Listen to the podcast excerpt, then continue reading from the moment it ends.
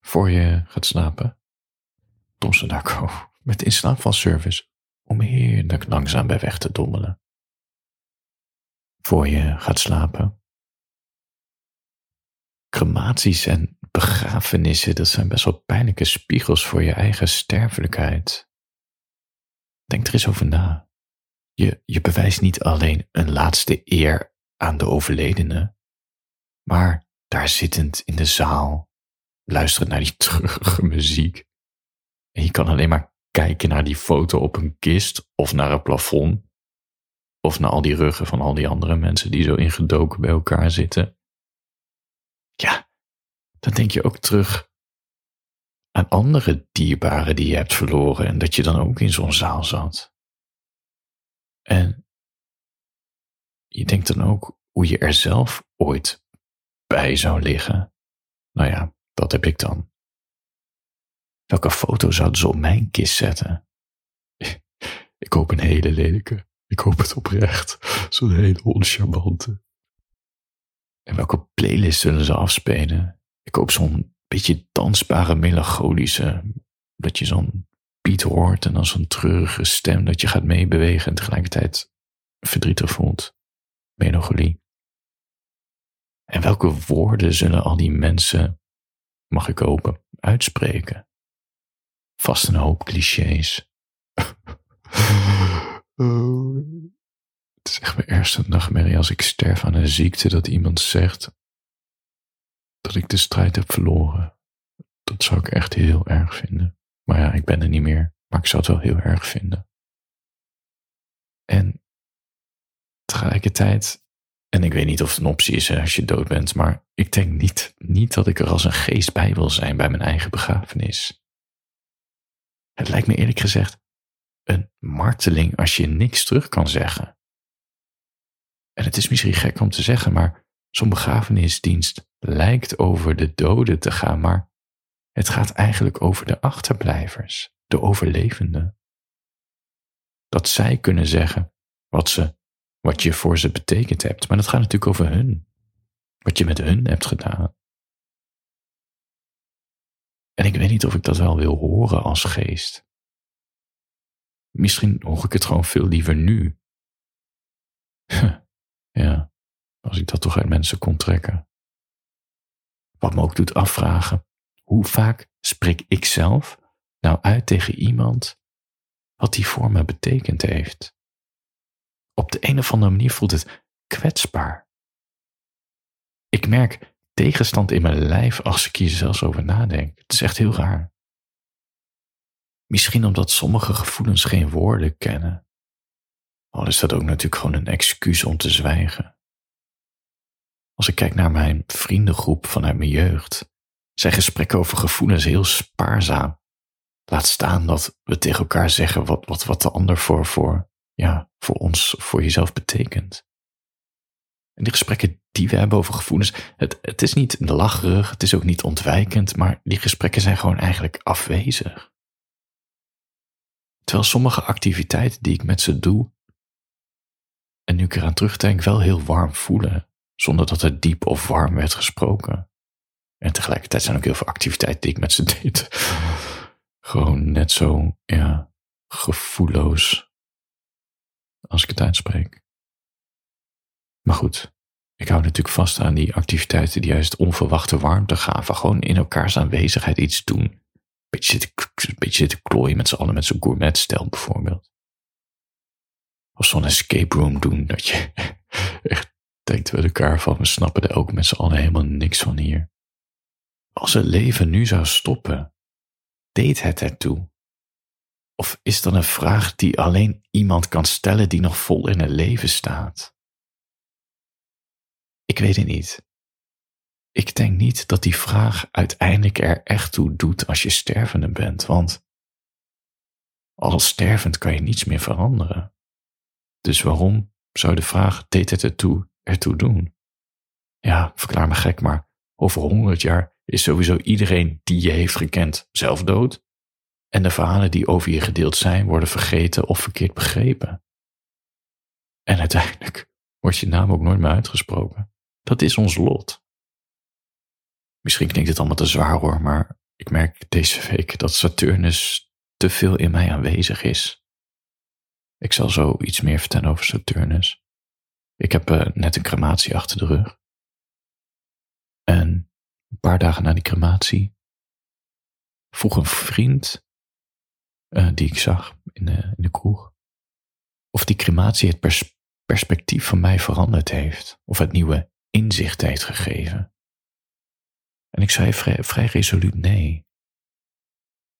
En ik sta er nog steeds achter. Ik denk alleen dat zo'n crematie, net zoals de gedachte die ik nu uitspreek naar je, het versterkt gewoon even tijdelijk mijn gemoedstoestand, die er altijd al wel is.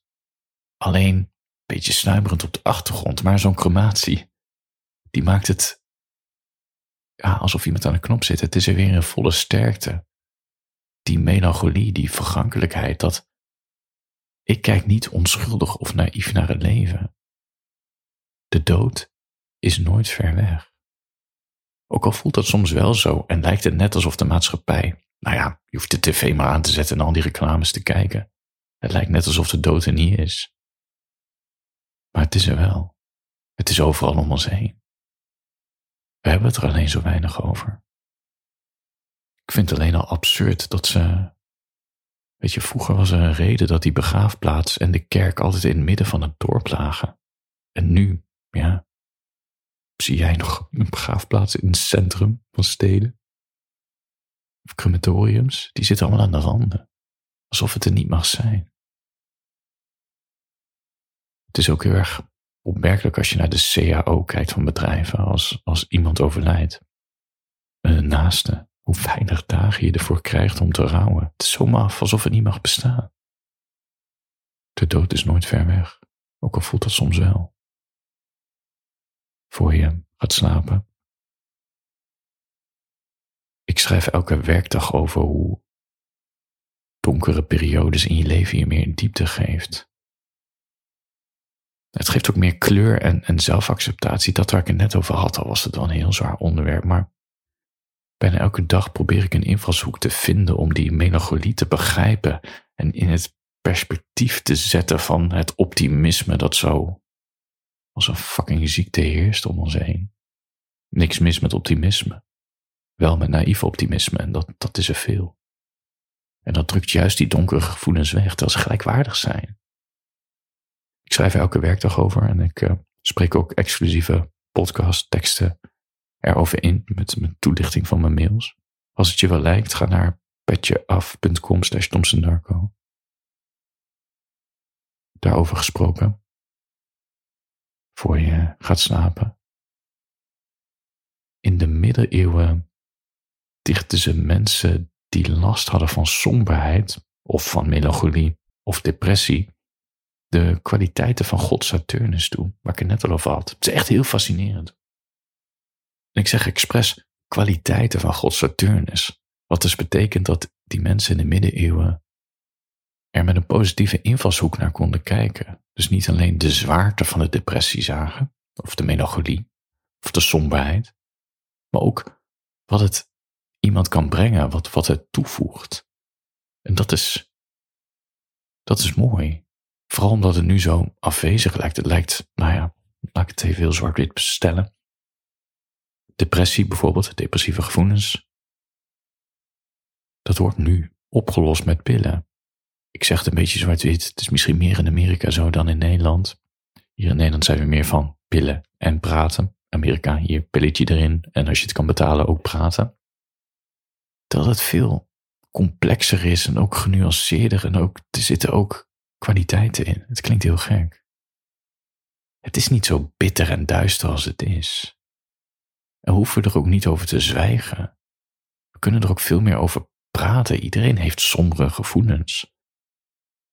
Wat ik zo storend eraan vind is, als je het deelt met iemand, sowieso is het heel vervelend voor die ander, want die staat machteloos en jezelf, laat ik mezelf nemen als je zegt ik ben depressief. Het voelt ook, ah, ik voel die machteloosheid bij die ander en ja, ik weet het zelf ook, ik voel mezelf ook machteloos. Dat is het hele ding als je zo kut voelt. Tegelijkertijd is het niet dat je de hele dag kut voelt. Weet je, kan, dus, je kan nog steeds grapjes maken. Om maar iets te zeggen en een beetje zelfspot hebben. Maar sommige mensen, dat is ook als je een andere vorm van een mentale stoornis deelt, die denken dan dat ze je moeten adviseren. En ik snap dat het uit een goede plek komt, maar het is zo irritant, want er valt weinig te repareren. Die zeggen: Kijk wat je wel hebt. Of heb je al natuurtherapie geprobeerd? Of EMDR? Fuck dat. Fuck dat. Als je afvraagt hoe je wel moet zijn voor iemand met donkere gevoelens, er gewoon zijn. Af en toe wat van je laten horen. Vragen hoe het gaat. Meer hoeft niet. Dat je aan die persoon denkt. Nou ja. In de middeleeuwen keek ze er anders naar. En, begrijp me niet verkeerd, dat beseften ze toen ook, die donkere periodes waar je als mens in kan zitten, om wat voor reden dan ook, soms een duidelijke aanleiding, soms niet, dat heeft hele nare, uitzichtloze kanten. Maar ze zagen ook dat het de nodige inzichten en diepte en kleur en wijsheid geeft. En ze koppelden het, heel mythisch, aan uh, god Saturnus, dat is de Romeinse god. Hij is de god van de melancholie en de somberte. En ze noemden iemand die in een donkere periode zat, in Saturnus zijn. Wat een hele mooie, bijna liefkozende uitspraak is. En mensen die chronische somberheid hadden, gewoon chronisch depressief, die noemden ze een kind van Saturnus. En creatievelingen, artiesten, schilders, kunstenaars, die noemden ze ook dat die waren aangeraakt door het licht van Saturnus. Omdat een artiest die treurigheid in zich heeft, terwijl het tegelijkertijd de grootste inspiratiebron is voor kunst, wat juist mensen ontroert en verblijdt. Het is zo dubbel. De Romeinse god Saturnus, dat, dat is, ze zeggen niks voor niks, want dat is de god van de oogst en van de seizoenen en van de dood daardoor. Het wordt gekoppeld aan de tijd die voorbij trekt in ons leven, wat vergankelijkheid oplevert. Het maakt je bewust van de tijd Bijvoorbeeld dat je jeugd nooit meer terugkomt. En zo'n gedachte dat de beste tijd van je leven misschien al achter je ligt, dat, dat, is, dat is een Saturnus-achtige gedachte. En het geeft niet alleen sombere gevoelens, maar ook een beetje geluk. Dat je leeft en hebt mogen ervaren en dat je er nog bent. Het is dus dubbel, snap je? De mensen bedoelden ook met in Saturnus zijn. Dat het je een zelfbewustzijn geeft als je uit zo'n depressie komt, heb je toch iets best zwaars overleefd en je bent op een donkere plek geweest. En je weet beter dan eigenlijk wie dan ook op dat moment dat het leven lijden is. En dat besef, dat is heel gek om te zeggen, maar ik denk, als je zelf in zo'n periode hebt gezeten, dat je het volledig snapt. Dat geeft ook hele, bijna gelukzalige gevoelens. Het maakt dat je het leven sowieso anders ervaart dan heel veel anderen. Ja, ik kan, het bijna ik kan bijna moeilijk uitleggen, maar je ervaart het als een soort Saturnus. Alsof je aangeraakt bent door Saturnus. Het is, het is zo moeilijk om te praten. Daarom vind ik dat symbool ook zo goed dat ze dat in de middeleeuwen God Saturnus noemden. Het is een soort zelfbesef dat, dat je weet dat het leven niet eeuwigdurend is. Dat je ziel volwassen is geworden door wat je ook is overkomen en wat de aanleiding ook was voor die donkere periode. Het leven is zoet en bitter tegelijkertijd en dan laat je toch op een andere manier opstaan, ook al is de zwaarte vertrokken. En het is ook een belangrijke aandrijver voor zelfacceptatie en zelfkennis. Het geeft je, in de middeleeuwen beseft ze misschien wel meer dan nu dat het, dat het je meer geeft dan je denkt. Het is niet alleen kommer en kwel. Het brengt je ook iets. En je kan die depressieve periode, dat Saturnus wat je in je hebt, je kan het met je meenemen.